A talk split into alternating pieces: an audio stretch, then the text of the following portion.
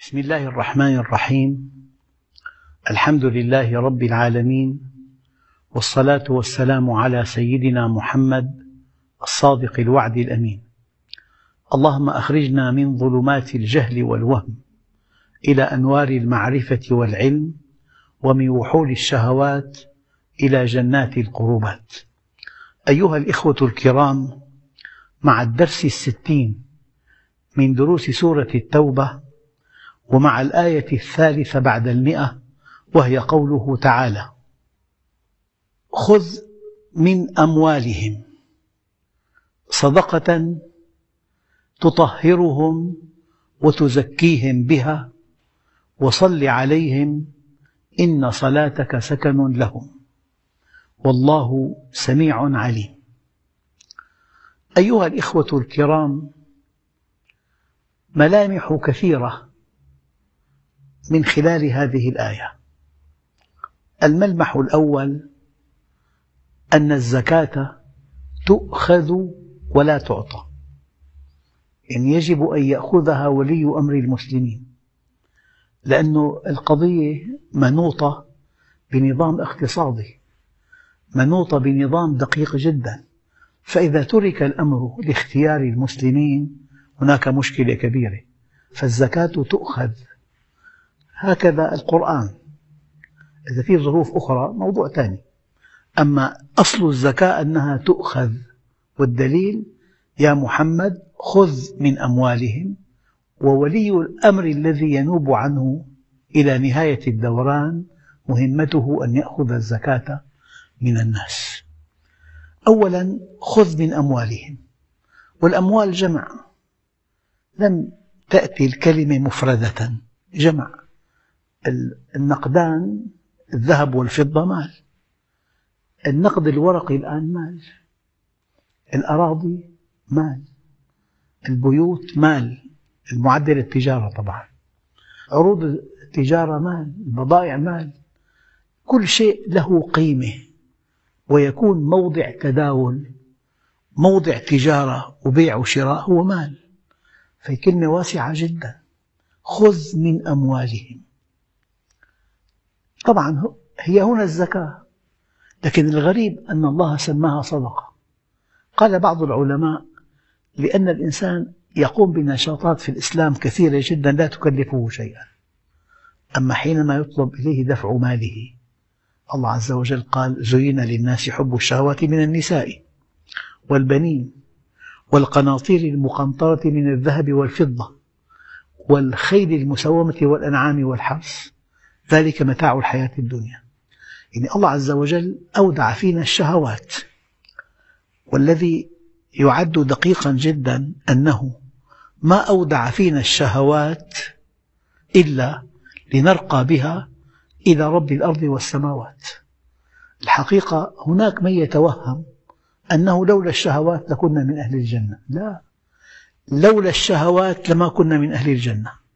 لولا أن الله أودع فينا هذه الشهوات ما ارتقينا بها إلى رب الأرض والسماوات يعني أنت لو أمسكت حجرا أعطيته لفقير هل ترقى بهذا العمل؟ أما حينما تمسك ليرة ذهبية تعطيها لفقير ترقى بهذا العمل لماذا؟ الذهب محبب إليك فلولا أن الله أودع فينا الشهوات حب النساء لما كان هناك من معنى لغض البصر. لولا أن الله أودع فينا حب المال ما كان هناك من معنى لإنفاق المال. لولا أن الله أودع فينا الشهوات ما ارتقينا إلى رب الأرض والسماوات. لكن أريد أن أوضح هذه الحقيقة. لو أن طالبا قصر في أداء واجباته المدرسية فعاقبه المعلم.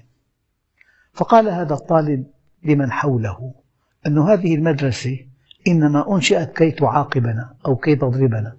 هذا حمق هذا. المدرسة أنشئت كي تعلمنا كي تهذبنا كي نكون قادة للأمة. أما حينما ينحرف أحد الطلاب يعاقب. فالله عز وجل يعاقب لكن الأصل أن الله خلقنا ليسعدنا. والدليل إلا من رحم ربك ولذلك خلقه خلقنا ليسعدنا لماذا يكون العذاب إذن؟ خلقنا ليسعدنا وجبلنا على حبنا لذواتنا وحبنا لوجودنا وحبنا لسلامة وجودنا وحبنا لكمال وجودنا وحبنا لاستمرار وجودنا يأتي العذاب من الجهل والجهل أعدى أعداء الإنسان والجاهل يفعل في نفسه ما لا يستطيع عدوه أن يفعله به والدليل القطعي قول أهل النار وقالوا لو كنا نسمع أو نعقل ما كنا في أصحاب السعير. معنى هي أزمة علم فقط. أنت مبرمج مولف مفطور على حب وجودك وعلى حب سلامة وجودك وعلى حب كمال وجودك وعلى حب استمرار وجودك. فحينما تتغافل عن منهج الله وتقع في خطأ تعاقب. أما هو الأصل أن الله خلقنا ليسعدنا. وأقوى دليل إلا من رحم ربك ولذلك خلقهم خلقهم ليرحمهم.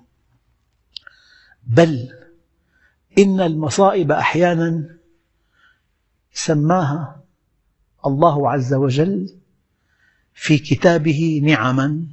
والدليل قال تعالى وأسبغ عليكم نعمه ظاهرة وباطنة. قال علماء التفسير النعم الظاهرة النعم المألوفة الصحة والمال. وأما النعم الباطنة المصائب. لأن المصائب تسوقهم إلى باب الله.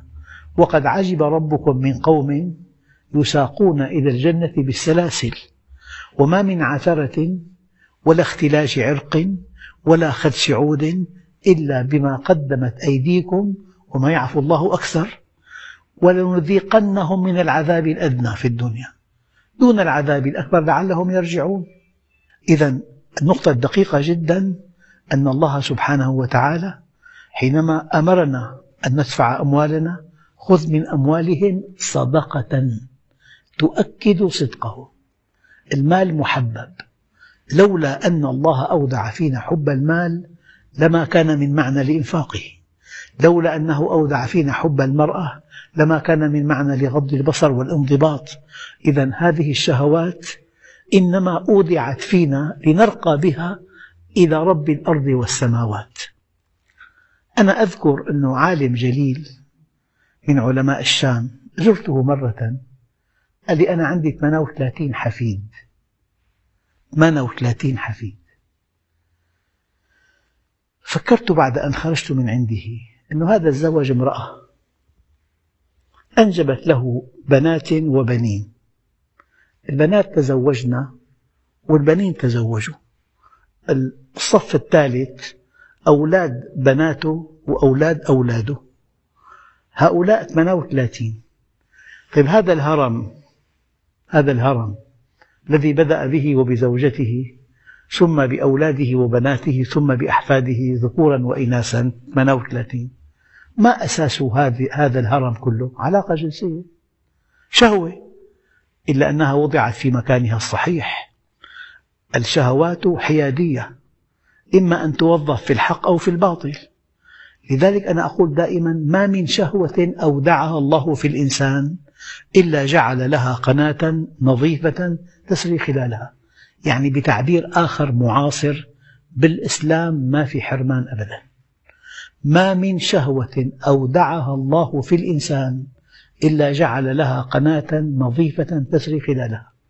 بل إنني أقول ولا أظن أنني أبالغ إن متعة المؤمن بحياته الدنيا لأنها من حلال وفق منهج الله ومع هذه المتعة هناك مرضاة لله عز وجل.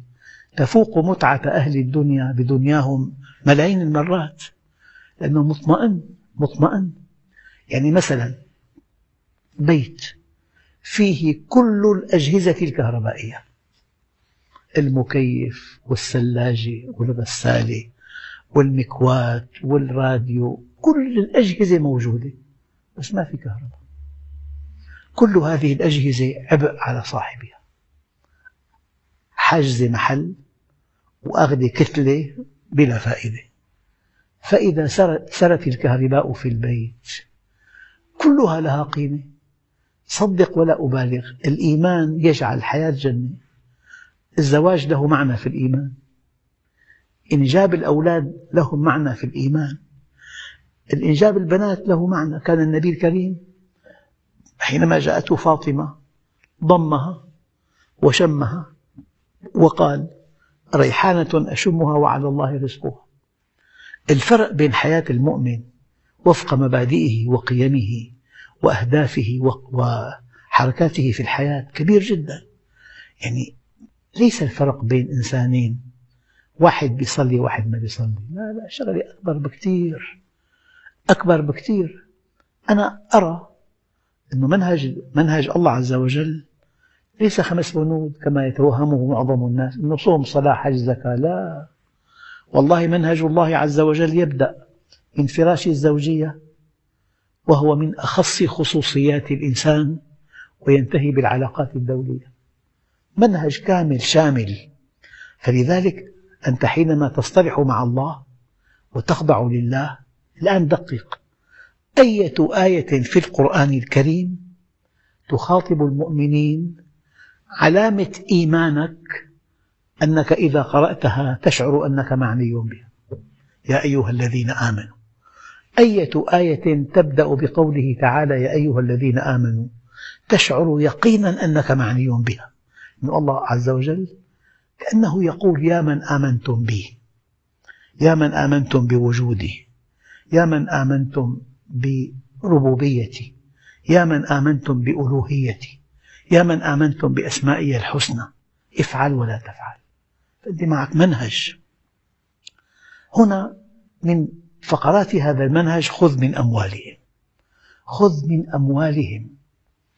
يعني المال الورقي مال والذهب والفضة مال والبضاعة مال عروض التجارة مال. الآن الأراضي المعدة للتجارة مال البيوت المعدة للتجارة مال. أما بيت السكن معفى من الزكاة. أساس البيت معفى من الزكاة. الأدوات معفاة من الزكاة. المركبة معفاة من الزكاة. في أشياء معفاة لأنها مستهلكة. لا أما كل شيء يمكن أن يكون للتداول وللبيع والشراء ويربح في عليه زكاة. خذ من أموالهم صدقة. هذه الصدقة تؤكد صدقهم في إيمانهم. علامة الصدق هو الدفع. أما بالصيف تتوضأ تتنشط تصلي ما تكلفت شيء. ما في شيء إطلاقا. ما في جامع فيه دخول وفي رسم دخول. متحف في رسم دخول. بلاش بتفوت وتتوضأ وجامع مكيف ومدفأ بالشتاء. ما في ولا مشكلة. فحينما لا تبذل لا ترقى عند الله. الآن خذ من أموالهم. يعني صدقة تؤكد صدقهم مع الله عز وجل. تؤكد صدق إيمانهم يعني أحيانا يعني بعض الدول بيكون في مسابقة. تجعل رسم للمسابقة. يكون واحد حيقدم مسابقة وغير جاد في هذا التقديم. حتى ما يكون عبء على الدولة. له استمارة وله قطارة وبده لجان فحص. يحطوا مبلغ مبلغ جيد جدا. هذا يكشف الصادقين. مين في عنده إصرار على الموضوع؟ يدفع المبلغ. فهنا الزكاة تؤكد إيمان المؤمن تؤكد صدق إيمانه تؤكد أنه يحب الله أكثر من ماله. يعني مثلا الحج لك بيت مستقر فيه لك غرفة ضيوف غرفة جلوس لك يعني بيتك أشياء مريحة جدا. اترك بيتك. وزوجتك وأولادك ومركبتك ووظيفتك ومكتبك وأخوانك وأحبابك وأصدقائك اذهب إلى الحج. ففي في متاعب كبيرة جدا في الحج في حر وفي مشقة وفي طواف وفي سعي وفي صعود إلى عرفة. هذه تؤكد أن أمر الله أحب إليك من دنياك. فالدنيا دار ابتلاء لا دار اشتباء دار ابتلاء. خذ من أموالهم صدقة. الآن ما معنى تطهرهم بها؟ خذ من أموالهم صدقة تطهرهم وتزكيهم بها. هم. قال هذه الصدقة التي هي الزكاة تطهر الغنية من مرض الشح. أخواننا الكرام كيف في عنا أمراض خبيثة؟ أمراض عضالة تنتهي بالموت. يعني مثلا الورم الخبيث مرض عضال. أنا أقول لكم إذا كان المرض الورم الخبيث مرضا عضالا ينهي حياة الإنسان فالشح مرض عضال أيضا يصيب النفس. والدليل ومن يوق شح نفسه فأولئك هم المفلحون. الشح مرض خطير. يصيب النفس. خذ من أموالهم صدقة تطهرهم من نقطتين تطهر الغني من الشح. طيب والفقير من الحقد. يرى الغني مركبته الفارهة بيته الفخم 400 متر ألوان الطعام والشراب أنواع الحلويات لقاءاته حفلاته زياراته سياحته. أموال ينفقها بغير حساب هو فقير معدم. فالفقير يحقد أحيانا فبالزكاة يطهر من الحقد فالغني طهره الله من الشح وهو مرض عضال والفقير طهره الله من الحقد. الآن والشيء الثالث أن الزكاة تطهر المال من تعلق حق الغير به. الزكاة مالك. لذلك قالوا أي مال مهما يكن كبيرا إذا أديت زكاة ماله زكاته فقد أذهبت عنه الخطر. يعني البيت قد تخرب بحجر مغتصب حجر واحد. فأنت حينما تؤدي زكاة مالك طهرت الغني من البخل من الشح. طهرت الفقير من الحقد. طهرت المال من تعلق حق الغير به. لأنه الله قال وفي أموالهم حق. يعني أنت حينما تؤدي الضريبة ما بيجيك كتاب شكر من وزير المالية أبدا. دولة تقوم على الضرائب في رواتب موظفين في تعليم في جيش. كل هذه النفقات الكبيرة بدها أموال. فالضرائب واجب المواطن. أما حينما يقدم مواطن بناء فخم ليكون جامعة يقام له حفل تكريمي. الحفل التكريمي لما زاد على الضرائب فالزكاة واجب كل مسلم من أجل أن تستقيم الحياة. والله مرة قرأت دراسة عن بلد نامي. أنه لو أن أغنياء هذا البلد دفعوا زكاة أموالهم ما بقي فقير. أحد أحد يعني شروحات الزكاة أنها نظام اقتصادي كامل. لو أن كل غني دفع زكاة ماله ما بقي فقير. خذ من أموالهم صدقة تؤكد صدقهم. نعم. تطهرهم من الشح إن كان غنيا من الحقد إن كان فقيرا. تطهر مالا من تعلق حق الغير به. لأنه قال وفي أموالهم حق. يعني هذا الفقير في أصل التصميم الإلهي جعله يرقى عن طريقك. وهذا الغني جعله يرقى عن طريق ماله. لذلك أنا أقول دائما في عنا عبادة مألوفة أن تصلي وتصوم وأن تحج وأن تزكي. لكن هناك عبادة الهوية. أنت من؟ أنت غني؟ العبادة الأولى إنفاق المال. أنت عالم؟ العبادة الأولى إلقاء العلم على ألا تأخذك في الله لومة لائم أنت قوي العبادة الأولى إحقاق الحق. ففي عنا عبادة مألوفة شعائرية كالصلاة والصيام والحج والزكاة. وفي عنا عبادة عبادة الهوية. فالغني العبادة الأولى إنفاق ماله. والغني العبادة الأولى إنفاق ماله. والقوي العبادة الأولى إحقاق الحق. والعالم العبادة الأولى أن تلقي العلم وألا تأخذك في الله لومة لائم والدليل في آية دقيقة جدا الذين يبلغون رسالات الله ويخشونه ولا يخشون أحدا إلا الله. فلو خشي هذا العالم غير الله ألغيت دعوته كلها. إذا خشي غير الله فسكت عن الحق خوفا أو نطق بالباطل رياء. انتهت دعوته في عنا عبادة الهوية؟ الغني عبادته إنفاق المال؟ العالم عبادته إلقاء العلم دون أن يخشى أحدا؟ والقوي عبادته إحقاق الحق. خذ من أموالهم صدقة تطهرهم وتزكيهم. الآن تطهرهم واضحة. تطهر المال من تعلق حق الغير به تطهر الغني من الشح الفقير من الحقد.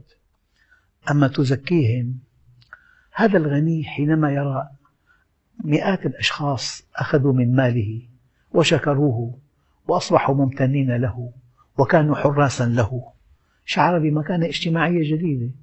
محسن محبوب لأنه محسن محبوب. فالغني لما أعطى من ماله لمن حوله ممن يلوذ به زكاة ماله. هل الفقير اشترى طعام اشترى شراب اشترى ثياب تمتع بالحياة كالغني تماما. يكن له الود والمحبة فهو الغني بين أن يكون حوله حراسا له وبين أن يكون من حوله لصوصا له. بين أن يكون حارس أو لص تلاقي الفقير المحروم حاقد فأنت عم تركب مركبتك وتجيب الأكل.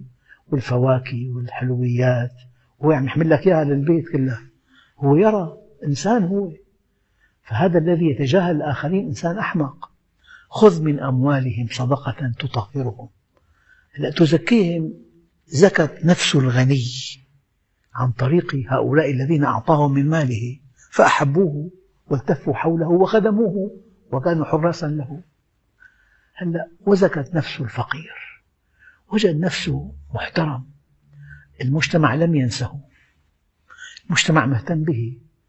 جاءوا على العيد هالمبالغ والطعام والشراب. طبعا هو الحقيقة الزكاة أن تكفيه طوال العمر. في رأيي للإمام الشافعي. والزكاة أن تكفيه لعام.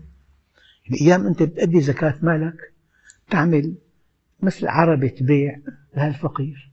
أم أنت أغنيته طوال حياته. هي أنه تعطيه مبلغ بسيط ما يكفيه يومين هي مو هي الزكاة. أن تغنيه إما لعام أو طوال حياته. طوال حياته بتهيئ له آلة آلة مثلا حبك فرضا تريكو مثلا. هي الآلة عاش منها. أو لسنة معينة يجب أن تغنيه إما لعام أو لكل الأعوام. هي الزكاة. أما بتلاقي بيصفر لك 30 40 شخص كل واحد مبلغ ما بكفي يومين. صرفوا وانتهى الأمر. بقي فقير. الزكاة بهالطريقة ما حلت مشكلة إطلاقا.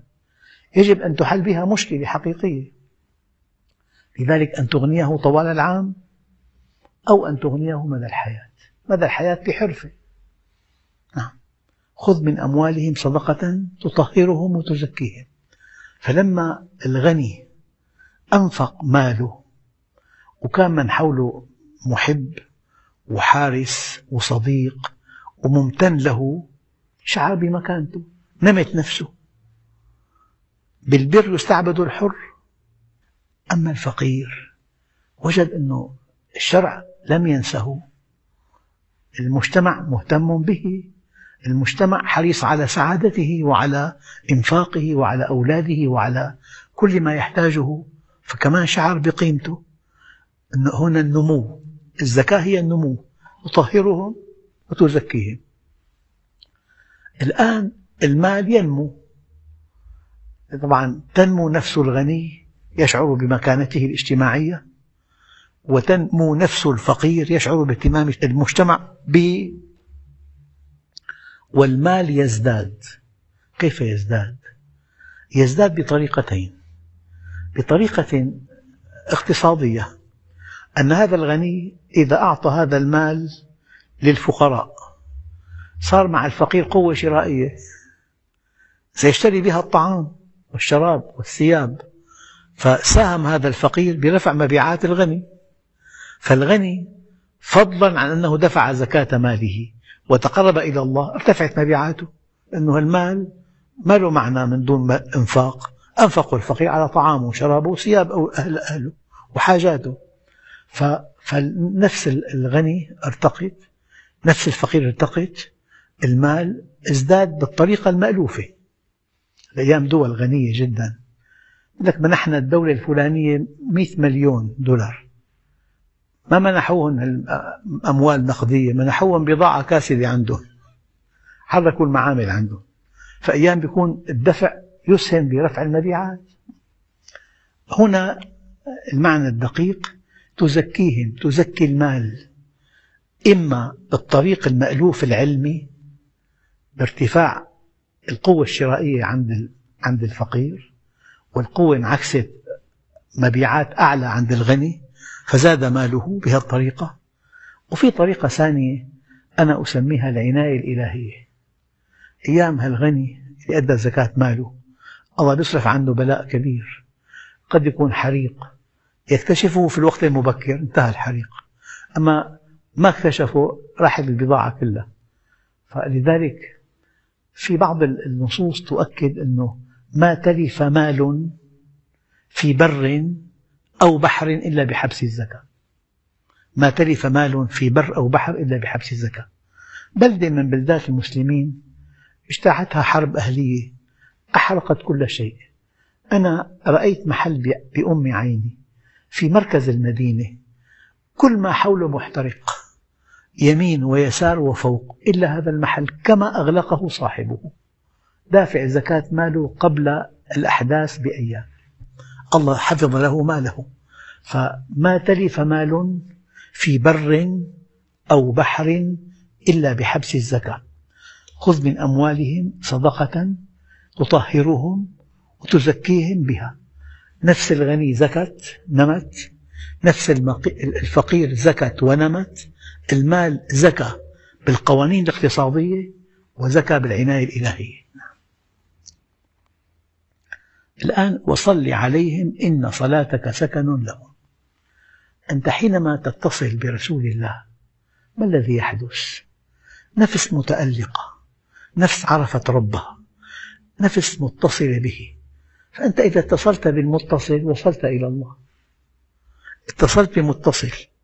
يعني مولدة للكهرباء. تعطي بيت من البيوت.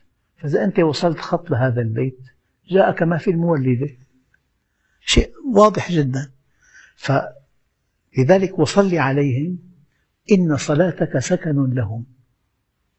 فالنبي الكريم حينما يرى أعمال أصحابه الجيدة يحبهم. فإذا أحبهم نشأ اتصال نفسي بين أصحابه وبينه. هذه الصلة النفسية تسعد من اتصل بهذا النبي الكريم. لذلك أيام تلاقي المؤمن يأتي إلى المسجد يحضر درس دين يقول لك ارتحت طيب ليش ارتاح؟ اتصل بنفوس مؤمنة لأنه صار في تمازج بينه وبين هذه النفوس. فإذا عنده شيء من الرضا عن الله نقلوا لهذا الشيء. هذا اسمه بعلم النفس الحديث التخاطر النفسي. تخاطر نفسي. فأنت ممكن إذا كان صاحبت إنسان موصول بالله تشعر بقيمة الصلة بالله عز وجل وصل عليهم الإنسان الموصول بالله عز وجل إذا التقيت معه بترتاح. أنه أنت أصابك من صلته بالله شيء. الموصول بالله مستنير القلب متوازن بنفسه محب لله عز وجل فأنت سافرت معه سفرة التقيت معه تشعر براحة. هذه بركة المجلس. نعم. لذلك أي مجلس فيه صالحون تتنزل عليهم الرحمات. ألا بذكر الله تطمئن القلوب؟ وأي مجلس فيه ناس طالحون منحرفون لؤماء لا يعكر الجلسة كلها نعم. بيروا أنه أحد العارفين بالله. أي في إخوانه كلهم محبوبين وطيبين ومحبين له. في جو لطيف واحد هيك منكر بعيد عن الله. قال لهم مين بيبيع لي هالعباية؟ قال له أنا.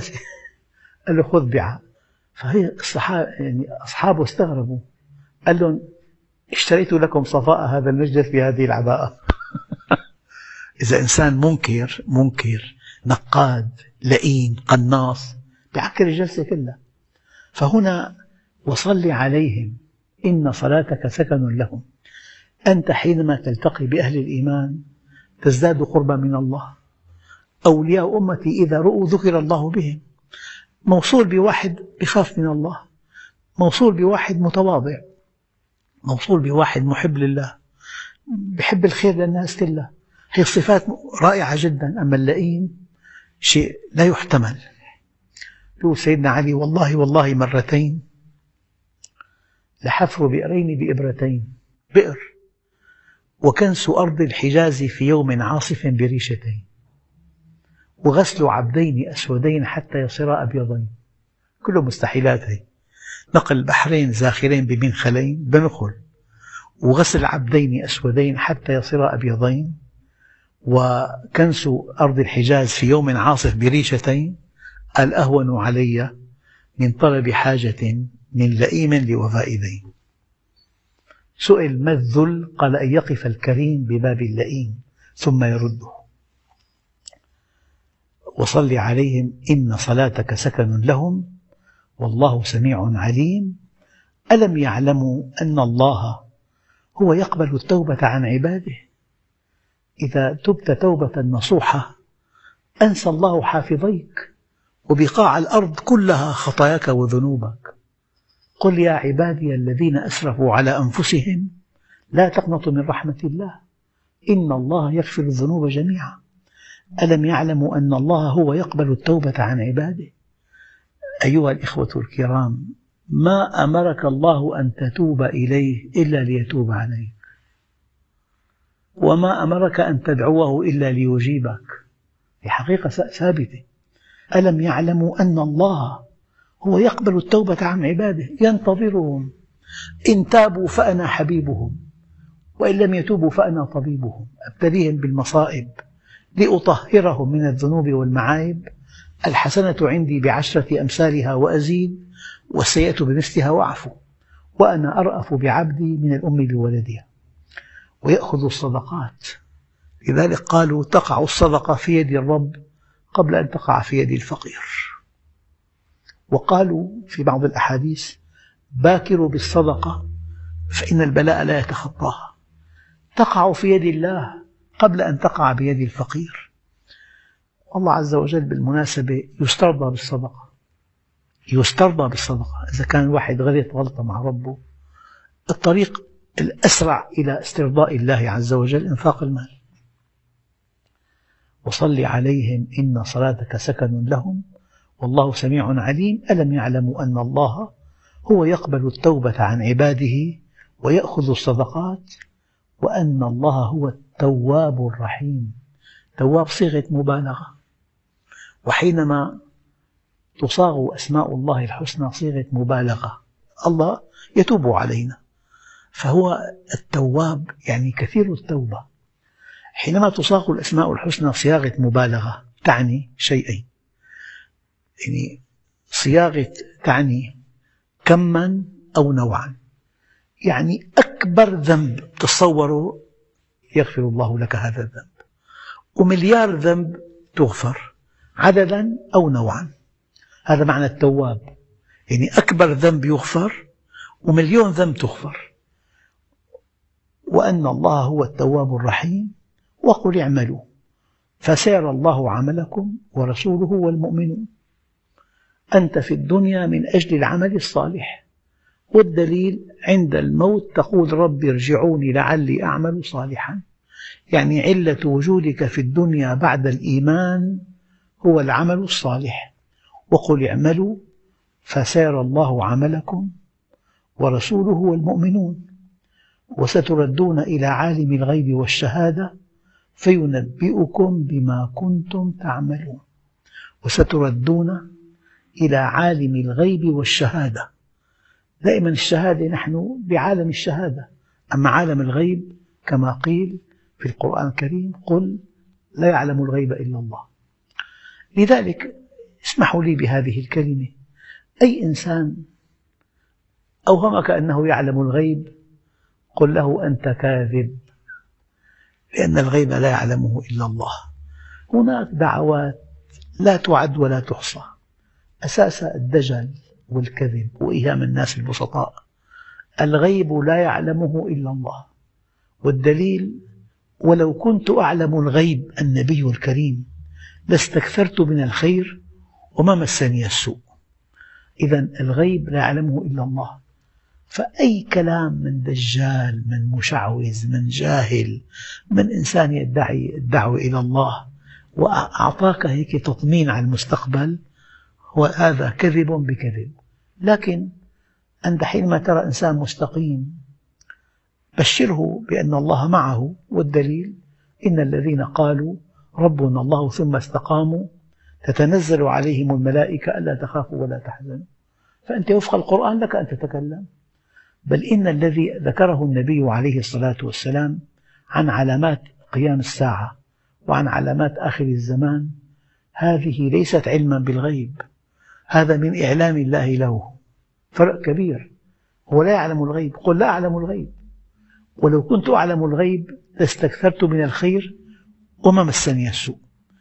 لكنه نذير وبشير. أما الله عز وجل أعلمه عن آخر الزمان. يكون المطر قيظا. في الصيف والولد غيظا ويفيض اللئام فيضا ويغيض الكرام غيظا. يوم يذوب قلب المؤمن في جوفه مما يرى ولا يستطيع أن يغير. إن تكلم قتلوه وإن سكت استباحوه. هي من علامات قيام الساعة. فكل الأحاديث التي فيها أشراط الساعة الكبرى والصغرى إنما هي من قبيل إعلام الله له. وهذا مما يؤكد نبوته عليه الصلاة والسلام. وقل اعملوا فسيرى الله عملكم ورسوله والمؤمنون وستردون إلى عالم الغيب والشهادة. فينبئكم بما كنتم تعملون. ينبئك بقيمة عملك. ينبئك بإخلاص عملك. مدى الإخلاص فيه؟ مدى الصواب فيه؟ مدى ما تبتغي به وجه الله فيه؟ العمل معمل واضح. بس له خلفيات له أهداف له شوائب له انحرافات. لذلك وأن أعمل صالحا ترضاه. وأن أعمل صالحا ترضاه. قال العلماء العمل الصالح يرضى الله عنه بشرطين. أن يكون خالصا وصوابا. خالصا ما ابتغي به وجه الله وصوابا ما وافق السنة. لذلك تردون إلى عالم الغيب والشهادة فينبئكم. حقيقة عملكم الإخلاص في عملكم الصواب في عملكم الهدف من عملكم الخلفية الأرضية الملابسات كلها يعلمها الله عز وجل. وآخرون هذه للدرس القادم إن شاء الله والحمد لله رب العالمين.